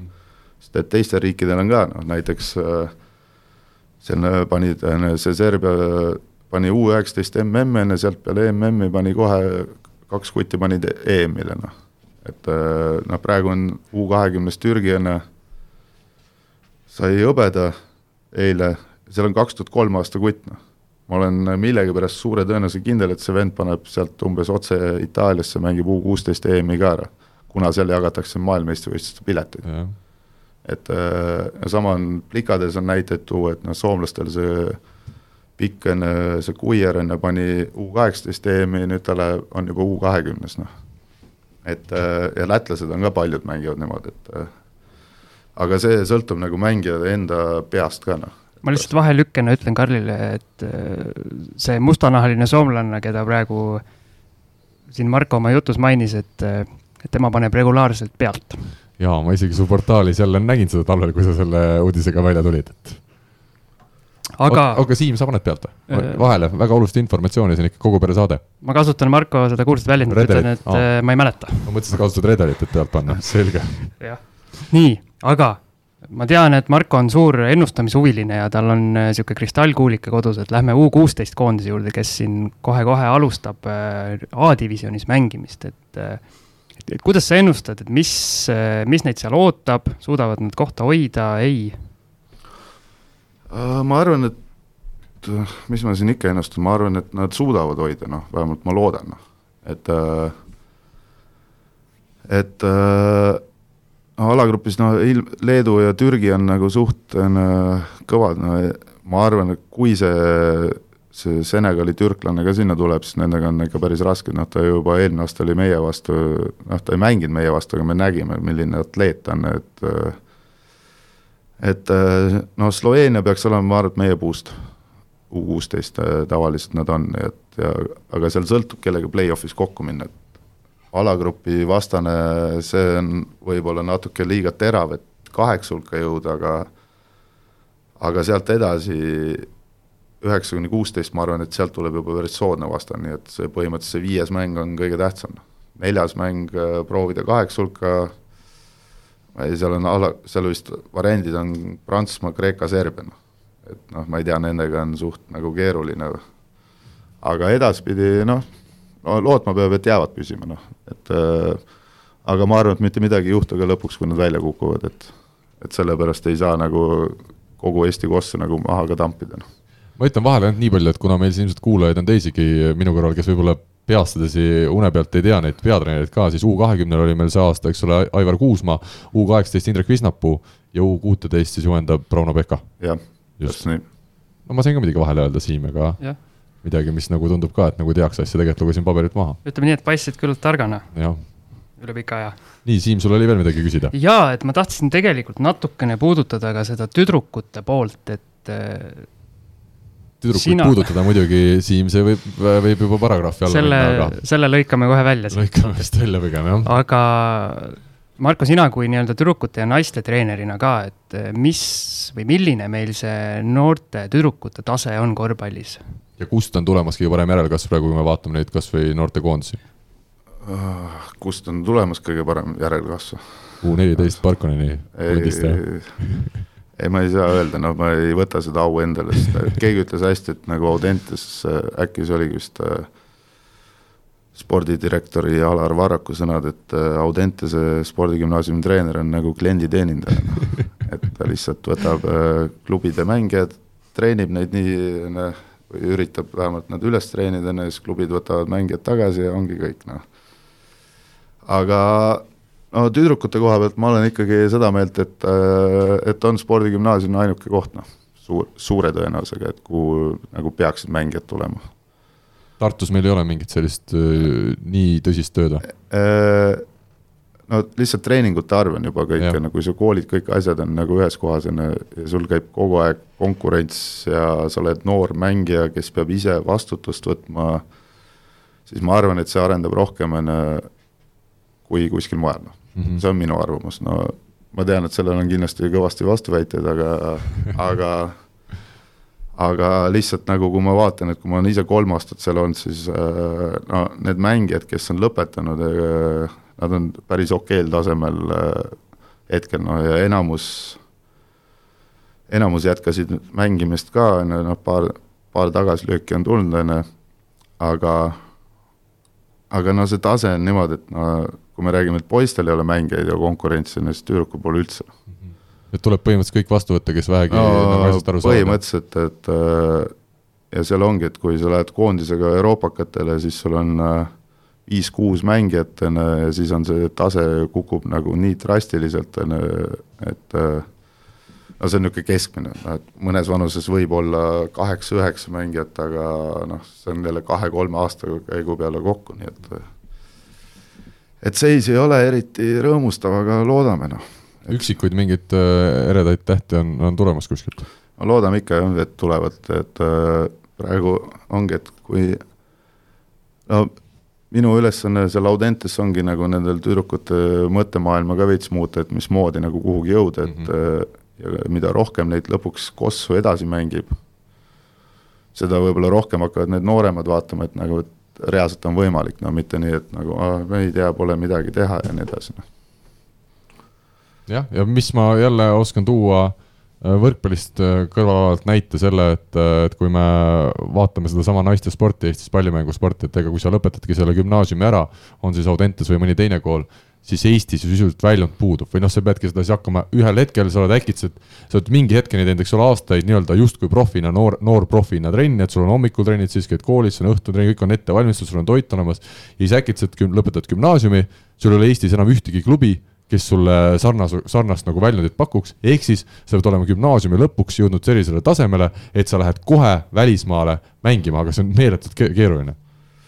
no ei ole noh lihtsalt on vaja tööd teha, noh, et äh, sa pead ise nagu sellesse uskuma, et sa teed, on ju, ja isegi kui sa ei saa kohe, on ju, aga sa näed, et sul on variant, siis sa saad teha ühe aasta ja. lihtsalt Eesti klubi juures natukene ennast veel arendada, parandada ja siis paned minema. ja selleks peab olema jah, meeletu tahtejõud. jah, et no ega sa ilma ei saa, vahet ei ole, mis, mida jah. sa teha tahad, noh et ei pea olema sportlane, sa võid olla niisama IT-mees tahad olla, on ju. ajakirjanik. jah kui sa nagu lugeda ei oska, siis on raske ajakirjanik aga näed, Siim ikka tõestab, et võib küll no,. erandid kinnitavad reegleid. Siim, on sul veel noortega midagi rääkida või lähme veel tänase proovisaate viimase teema juurde? Lähme nüüd kõige tähtsama teema juurde või? nii, lähme. kuidas sa tahtsid öelda lähme. seda? juhata sisse, palun.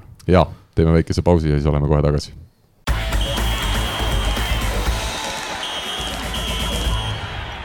Eesti esiklubi Kalev Cramo, põgusalt oleme seda meeskonna nime juba tänases saates Marko ja Siimuga puudutanud, aga nüüd siis uue hooaja juurde ja minu arust on see komplekteeritavus päris huvitav.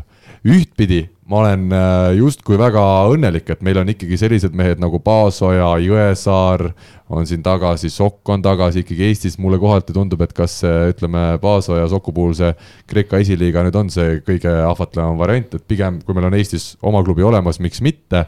ja, ja noh, selline mees nagu Sander Raieste veel juures, et mulle tundub, et see punt on päris huvitav. aga teine küsimus nüüd, vaates täna, meil on äh, üks mees, eks ole, tulnud välismaalt Itaalia esiliigast ja teine on Aigar Skeele, keda me siin teame aastaid Lätis mänginud mees, viimane aasta Prantsusmaa kõrgliigas et kas see on nüüd meeskond, kellega hakata VTB ühisliigas play-off'i kohta jahtima. täna on see minu jaoks suur küsimärk, aga ma loodan, et need viimased täiendused on, on piisavalt head, et me ikkagi võiksime selle eesmärgi poole püüelda, kuidas teile tundub uh,? jah, et kui ma paneks ka need nimed sinna kõik on uh,, siis siin on vaja tuua vähemalt neli järge ette, noh niisugune nelja peale, kolme peale või viie peale, et äh, muidu hetkel on nii, et okei okay,, sa saad äh, Jõesaart Raiestetena kasutada kolme peal. Äh,, aga no praegu on niisugune tubli jalgpallimeeskond meil, kui pikkusi vaatame. Äh, noh, ei, see, see ei ole, jah, et liiga palju on nagu ühe positsiooni mängijat, ma ei kujuta ette, kuidas hakatakse neid mänguaegasid kuskil, kui meil on seal võib-olla mänguaeg tehakse pikemaks, et neljakümne asemel hakkame Eestis mängima kuuskümmend minti. jah, võib-olla noh, et aga jah, sama küsimus, jah. et äh, nagu päris palju on neid äh, ühe positsiooni mängijaid, et noh, et sa ei saa ju mängida näiteks nelja tagamängijaga, et sa kogu aeg vahetad, et kuule, et üks veerandaja viid sina palli üle ja siis nüüd viid sina, noh et äh, aga ei no huvitav saab olema, no ühes mõttes on hea, et need eestlased on, et äh, nad vähemalt saavad mängida, samas noh, Kreeka esiliigast tulla, no ma arvan, et siin on ikkagi tase on vähe kõvem, noh, kui Kreeka esiliiga, noh, kui sa ei pea Pierre olümpiaakosega mängima seal esiliigas nüüd. aga, aga no saab olema huvitav, noh, reaalselt nagu vaadata, kuidas need meie mängijad siis nagu kahe aastaga edasi on läinud, et keda pole nüüd näinud, noh. aga samas Cramo juba eelmine aasta oma komplekteerimisel näitas seda, et Donaldas Kairis tahtis, et tal oleks kaksteist meest, keda kõiki saab väljakule panna. et võib-olla see aasta minnakse sama teed, et ka need vahetusmehed ja rollimängijad oleks ikkagi sellised, keda saaks nii Eesti-Läti liigas kui ka VTB-s väljakule panna, et ükski sest siin aastaid tagasi olid ju olukorrad, kus Cramol üks mees sai vigastada, see lõi kõik täielik, täiesti rotatsiooni sassi, teistel meestel minutid tõusid ja et äh, võib-olla tehakse just targasti nagu. idee poolest muidugi peaks igas võistkonnas olema kaksteist head mängijat, eks ole aga, aga küsimus on nüüd, kas need liidrid meil leiduvad, et kui me vaatame täna seda Jacksonit okei okay,, Itaalia esiliigas, mis ta oli, kolmteist punkti keskmiselt vist. no Aigas Keelet me teame ilmselt niikuinii paremini, et ma nüüd kahtlen, kas ta hakkab VTB liigas olema selline suur äh, liider võistkonnal, et mulle tundub, et neid liidreid hetkel kas ei ole või on selline mõni üksik. no Raieste võtab üle selle. rahu, rahulikult. ja Jõesaar, ma arvan ka ei jää, ei jää nagu vastust võlgu. ja et äh, ma arvan, et nendele, kui neid tagant surkida, siis küll nad äh, hakkavad seda kandma ja usud sa, usud tõesti seda? ei, ma arvan, et miks mitte, nad on sellised kahemeetrised vennad, mõlemal on äh, korralik viskekäsi ka, nii et nad võivad seal paksu pahandust teha küll, noh. aga mina küsin, kas seal kõrval ei peaks ikkagi olema üks selline väga terav välismaa veel kõrge tasemega mängujuht, kes neile need öö, momendid looks või? Äh, kindlasti võib, noh. Ei tee paha, jah? ei tee, ei tee paha ka, sest et juba trenni suhtes ei teeks paha, no et äh, aga no eks see sõltub peatreenerist, noh, et siin on erinevaid kõlakaid olnud, et kui Kairis võttis enne kaksteist meest teatud põhjusel enne noh, siis äh, ühte-kahte ta tegelikult ei tahtnud üldse, ta pigem arvestas kümne mehega, noh. ja ta kasutas rotatsioonis kümme meest. aga kuidas need kaks meest siis võistkonda sattusid, tulid ise ja tõstsid käe üles, et ma tahaks ka? Nad võ-, nad võeti, aga lihtsalt nagu treener ei arvestanud nendega, noh. Kas tagantjärele saab seda öelda, täna on meil Kairis juba kuskile kaugele maale lennanud, kes need mängijad olid? eks äh, vaata mänguaega, noh. nojah et, kes seal eriti mängida ei saanud, enne lükati, lükati sisse enne äh, suvalisel hetkel, et kuule, mine tee ka kümme sekki, et noh, ma ei tea, see on juba nagu veits mõnitamine, aga mm. -hmm. no mis seal ikka, noh. aga ma meenutan seda, et eelmine aasta ju tegelikult Cramo need lõpuks, kes põhijõuks kerkisid, Multri ja siis Vroten, et nemad ei alustanud hooaega ju tiimis, et noh, siin kunagi ei tea. aga no meil on lihtsalt see asi, et kui me tahame WTB-s pääseda play-off'i, siis peab meil olema oktoobris selline võistkond, kes hakkab neid võite juba võtma. et kui me hakkame jaanuaris võite võtma, siis on see rong läinud. ja no seal on, no lõpetan korraks selle eelmise teema, et no kõlakate järgi Stelmachers on äh, lühikese pingi mängija, ehk ta rotatsioonis on umbes kaheksa meest. okei okay., aga Kairis oli niisugune kümne mehe rotatsioon, nii et no sealt on juba, et äh, võib jääda seal eestlastele, saavad plaksu lüüa seal ja ongi kõik. keskenduvad Eesti liigale. et kuna tegelikult ju VTB-s peab olema lihtsalt äh, kuus või seitse eestlast kogu aeg on ju mängule üles antud, on ju, see on juba üks põhjus, miks on vaja neid äh, saada, noh. Mhm. aga kui, kui reaalseks sa pead seda, et kui sa ütled, et Stelmachers on lühikese rotatsiooni mees. ma ei ütle, ma see kõla- Ah,, kõlakate okei, kõlakate. järgi, me ei räägi siin sellest, mis on, meil on täna kõlakate ikkagi põhjal kogu see kõlakate rubriik, et pane küll ka. ühesõnaga, kui ta on lühikese rotatsiooni mees, et äkki ta mõtlebki niimoodi, et näiteks VTB-s on tal see kaheksane rotatsioon ja Eesti-Läti liigat siis mängib nende nii-öelda teiste meestega ja sest äh, minu meelest Kairis pani läbivalt kogu hooaja kõik mängud samade meestega. jaa, aga see ongi see, et kui sul satub niisugune, oletame, et sa mängid, ütleme selle, ma ei tea, kas ta nüüd jääb Olipet liigaks või ei jää, Eesti-Läti liigas on ju, ütleme VEF-iga. ja sul on äh, kolm VTB mängu satub ka, sul on neli mängu põhimõtteliselt tugevate vastastega, siis sa mängid selle kaheksa mehega ära, on ju, ja mööda on läinud kolm nädalat. ja järgmine mäng tuleb, on ju, siis sa vaatad, need kaheksa venda toimivad, noh, aina raskemaks läheb tuua sealt kedagi juurde, ju, ja selle mängija võib-olla enesekindlus on ka niimoodi, sest ta teab, et mind nagunii ei kasutata, noh, et okei okay,, võib-olla võib-olla ei mõju see midagi, aga no elu on näidanud, et ikkagi need mängijad, kes on jäänud kas või kuuks ajaks pingile enne, pole eriti saanud, no me võime võtta kas või eelmise hooaja Craamost, on ju, et ja siis, kui te-, neil tekib uus võimalus, ega nad eriti hästi sinna sisse ei tule, noh. Et äh, selle jaoks peab olema ka soodne kalender, et neid kogu aeg mängitada ja vahetada, noh. Et ühesõnaga, see treeneri töö sellisel tasemel on rohkem nagu niisugune malemäng, et sa pead kogu aeg oma nende nuppudega väga nagu targalt ringi käima ja juba tulevad esimeses saates kujundlikud sellised väljendid, väga hea, Siim, sul see värk töötab ikka ja no kindlasti, vaata, sõltub ju erinevatest vastastest ka, on ju, noh et et kui me võtame need euroliigad, on ju, mida kõik jälgivad, on ju, noh, noorkorvpallurid võiksid rohkem jälgida, on ju, siis seal on ka ikkagi, et äh, vahetatakse mängijaid vastavalt äh, noh, tullakse välja, et näiteks esiviisik on vastavalt vastaste esiviisikule pandud, on ju, et ei ole nii, et mul on kuradi, Obradovitš ütleb, et mul on nüüd viis meest, on ju, ja nendega ma panen hooaja lõpuni alustan, noh et kogu aeg, kas on vaja lühikesi pikki ja vastavalt sellele tullakse. kusjuures mul tuli vahele praegu meelde see kaks nädalat, mis ma Marko Parkoneni trennis käisin seal Siilis umbes kümme aastat tagasi. et said algviisikusse. olles toonas, ei, ei, seal oli asi sellest kaugel, hea, et trennis sai neid joonejookse tegema. ma mäletan, meil oli kas, kas trenni algus või lõpp, lõpp vist või. Marko ütles, et vot, kas te eile vaatasite mingi Euroliiga mängu või. siis mina julgesin seal noore tulijana äh, nagu ennast veel ka spordisõbraks pidava inimesena küsida, et aga kus ma, kus ma pidin vaatama telekast ja nii edasi, siis Marko minu arust ütles vastu, et kurat, kas sul internetti ei ole või. et ja, ja ma hiljem olen Euroliigat nagu jälgima hakanud äh, veel rohkem ilmselt siis jah. ei, aga ega ei saa süüdistada neid, kes näiteks ei ole koju seda, seda paketti võtnud, on ju, et noh, või on umbes, et ke- vanemad tahavad vaadata midagi muud, on ju, et sa ei saa süüdistada, aga kui sul on võimalus, siis on, miks mitte seda vaadata. absoluutselt. Jah, aga mis te nüüd ütlete, eks see, see, kas Eesti meestest saavad seal Venemaa reisidel reisisaatjad või nad on ikkagi mängumehed, see selgub ju ikkagi jah, paljuski sellest, kes sinna veel juurde tulevad. Äh, Marko alguses ütles, et nelja meest oleks veel pikka vaja. mis see reaalne, noh, me vaatame nelja siin, kui meil on hetkel meeskonna nimekirjas kolm, neli, viis, kuus, seitse, kaheksa, üheksa, kümme. mina sain siin kümme nime, kes peaks olema, et, et noh, kaks, kolm on vist okay. tegelikult see uh Kitsing. Kitsing on jah, selle kümne sees, jah? no Kitsing on neli, no siis okei okay,, võib-olla on juba kolme vaja, Salas on küsimärk, kas ta jätkab või ei jätka. see on üldse huvitav projekt minu arust.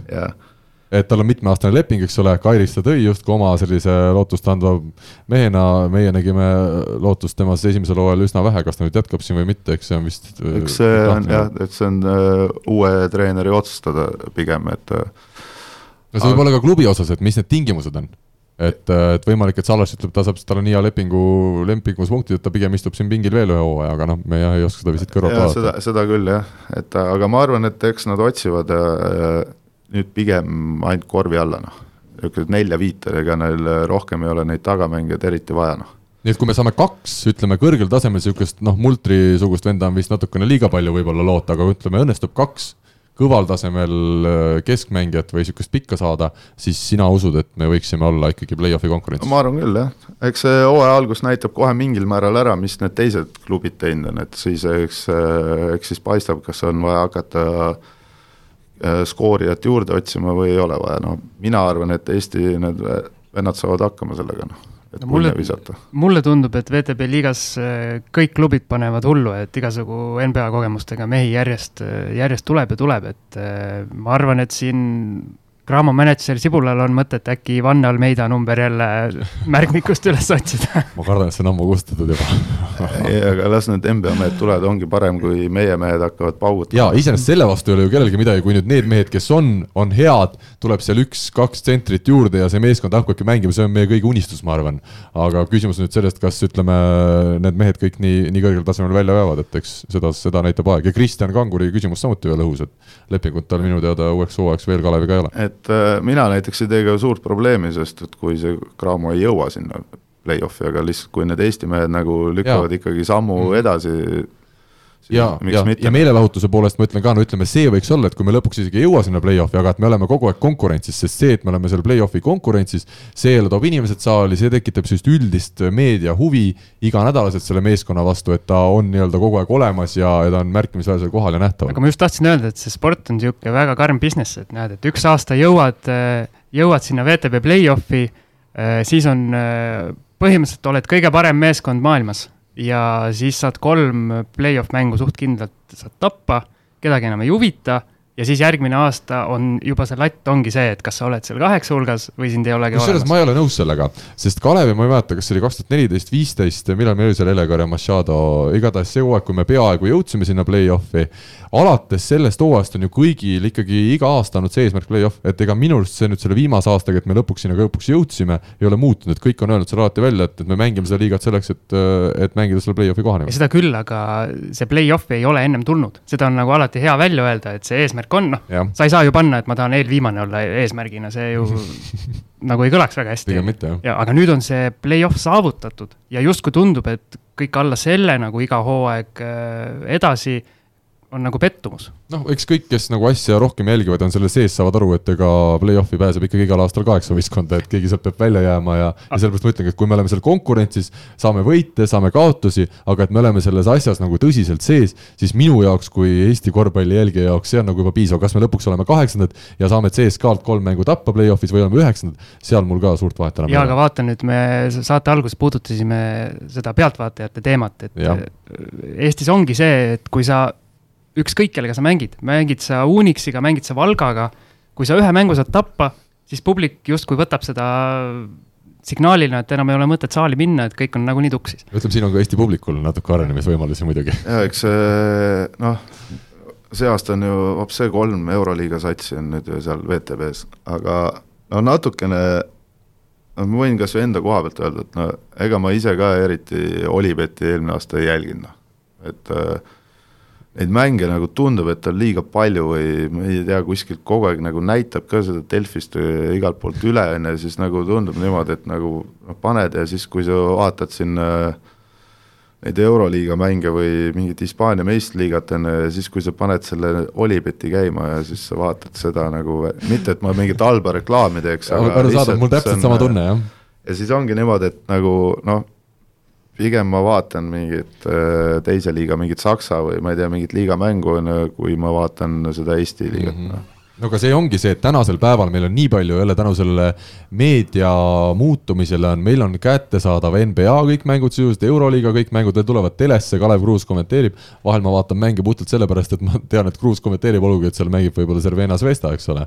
ja pluss meil on siis veel Kalev oma klubi näol, kes mängib ka rahvusvahelisel tasemel tugevat äh, mängu, kus on ka korralikud teleülekanded, siis ongi see, et sa ei jõua kõike vaadata, mina ka selline, ma tunnistan, keskmine korvpallisõber, nüüd kui ma olen aasta aega teinud võrkpalliportaali, ma ei olegi Eesti liiga vist ühtegi mängu vaadanud sedasi pikemalt, et, et noh, võib-olla finaalimänge mingeid vaatasin, eks ole, natukene rohkem, aga, aga et mul on nii palju valikuvõimalusi, miks ma peaks seda Eesti liigat siis vaatama, kus mul tegelikult see Kalev ka mängib oma hooaja tähtsamad mängud ära hoopis idaliigas ei no jaa, et seal ongi nagu see, noh, see on üks point, kus Eesti liigas või noh, see Eesti-Läti liigas võib-olla ei saa ka saale täis, noh.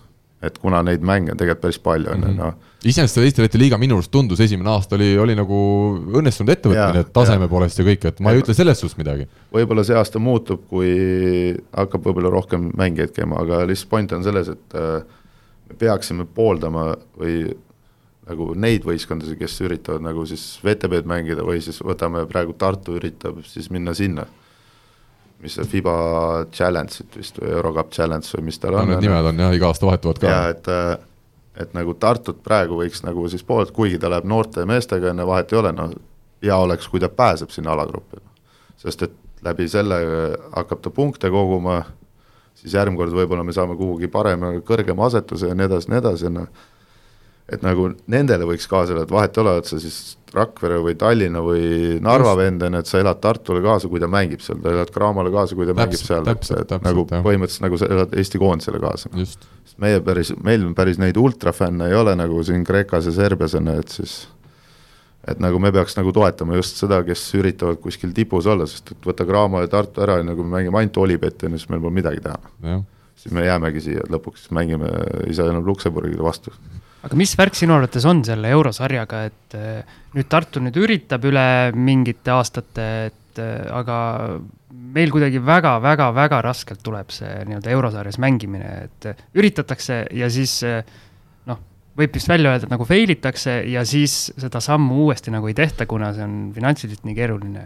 sa ostad ise ära, finantsiliselt keeruline ja kui sul edu ei tule ka, siis ma arvan, et teid polegi saatesse vaja, et äkki ma räägin järgmine kord üksi ei no seal ongi see, suure tõenäosusega on seal see point noh, et äh, no kuna on vaja asetust saada, no kui meil Eesti meister ei saa isegi seal FIBA, FIBA sarjas ei saa nagu kohta alagrupi turniiril, on Mhm. ju, no millest me siis räägime, et Läti neljas on kõrgema asetusega kui Eesti meister. me oleme sellest rongist maha jäänud Euroopas, eks ole. et kuna me ei mänginud seda, kuna see reaalselt ongi kallis, kuna sa võid saada Türgi enne, siis kuskil Küprose ja kõik mingid niisugused otsad enne, noh, aga siin võib-olla natuke maksabki kätte meile see, et Cramo mängib seda VTB-d, et kui Cramol ju VTB väljundit ei ole, siis kindlasti nad ju mängiks eurosarja. jaa, aga ongi, kui sa lähed sinna, noh, ma saan aru, et Cramo võib-olla isegi mõtleks selle peale, kui nad saaks kindla koha alagrupile. mm. -hmm. aga kui nad mängivad seda, nad, seal on kolm ringi, no see, okei okay,, nad saavad võib-olla suure tõenäosusega teise ringi, mängivad seal ära mingid türklastega, on ju, siis tuleb veel kuskilt Kuban vastu, on ju. saavad tappa ja hooaeg on põhimõtteliselt läbi selle Jah. komplekteeritavuse jaoks, kelle siis sa sa kokku paned. vist äh, alumisse eurokappi äkki või Mm -hmm. ja aga see ei ole jälle Kalevi nagu liiga jälle, see alumine euroga. et sa ostad nagu endale legionärid vastavalt tasemele, aga sa kukud samm allapoole, no et ja siis on niimoodi, et äh, pigem see võib tuua sulle kahju, kuna sul on nii kallid mängijad, aga sa ei saa mängu taseme poolest midagi, noh. ja aga see VTB on ikkagi väga suure mängude arvuga, et nad, nad ju vist üritasid mingid aastad vaata eurokappi mängida. ja mängisidki Jah. vist seal äh, nii-öelda grupiturniiril, et äh, kas see mängude arv nagu ei lähe nii ulmeliseks, kui sa pead nagu kolme sarja täiega mängima? Läheb küll vist jah. ja aga kolme ei tohi. seal on äh, minu teada on sellepärast, et äh, nad äh,, nad ei mängidki, vaata nad kaks aastat, kaks hooaega tagasi vist panid ennast Fibasse ka üles mm. -hmm. aga siis nad peavad millestki loobuma. Et kas VTB-st, FIBA-st või Estikatest.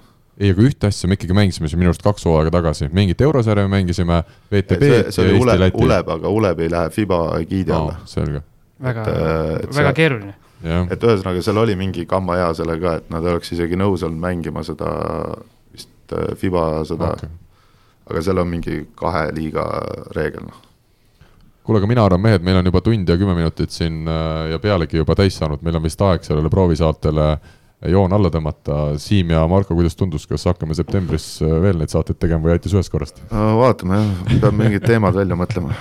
Neid, ma arvan, meil küll, äh, neist puudust ei ole, kui meil on sellised mehed siin stuudios, äh, Siimu ja, ja Marko näol, kes siis igapäevaselt Eesti võrkpallis sees elavad. Siim, on sul veel lõpetuseks midagi tarka öelda? korvpallis ikka, aga no jälgime ka võrkpalli. aa ah,, jah selle lõikame jälle välja. jaa, meil on täna palju, ma ütlen, kuna neid võrkpalli podcast'e tuleb juba selja taga palju rohkem, siis äh, see võrkpallisõna kipub nagu liiga tihti huulile tulema. jah, et siin on vaja käärid kätte võtta ja, aga hea küll, mõned lõpusõnad mul on, et kui see saade nüüd peaks jõudma ka kuulajate kõrvu, et seda ei otsusta Karl õnneks, vaid äh, otsustavad tähtsamad inimesed, siis äh, aitäh kuna meil ei ole veel podcast'il ka oma nime, siis äh, esiteks sooviks me, sooviks me saada tagasisidet kuulajatelt nii meie esimese proovisaate osas, et kas on mõtet Karli jätta saateks või mitte ning siis ka nime osas, et kui te pakute mingi eriti, eriti hea nime välja. mina juba pakun, ma no., Siimu, vaatan sulle otsa, mul tuleb kohe mõte möödav ise. Noh, seda sa oskad et see võiks olla minu arust meie saate sihuke, aga ei, ma ei tea, vaatame jah, mis meil kuulajad ütlevad ja. jah, kui kuulajad oskavad midagi, midagi paremat pakkuda, siis, siis kindlasti võtame kõik pakkumised arvesse. mitte see ei tähenda, et me paneme kõik need nimed, paneme podcast'ile, aga valime sealt parima. ja põhimõtteliselt tagasiside siis paluks meiliaadressile info, et korvpall kakskümmend neli punkt ee ja meie täname kõiki kuulajaid ja kohtume siis ilmselt juba saatega nii nagu peab iganädalaselt alates septembrist. ilusat päeva jätku. ütlen ka midagi või? ütle, et nägemist. ma proovin järgmine kord olla mitte nii negatiivne, nii et ma tegelikult tahan, et Eesti Kossule hästi läheks. me kõik tahame et, ja ma arvan, et seda oli aru saada ka. aga nägemist, kuulmiseni. mina juba rääkisin nii palju, et aitab küll, kuulmiseni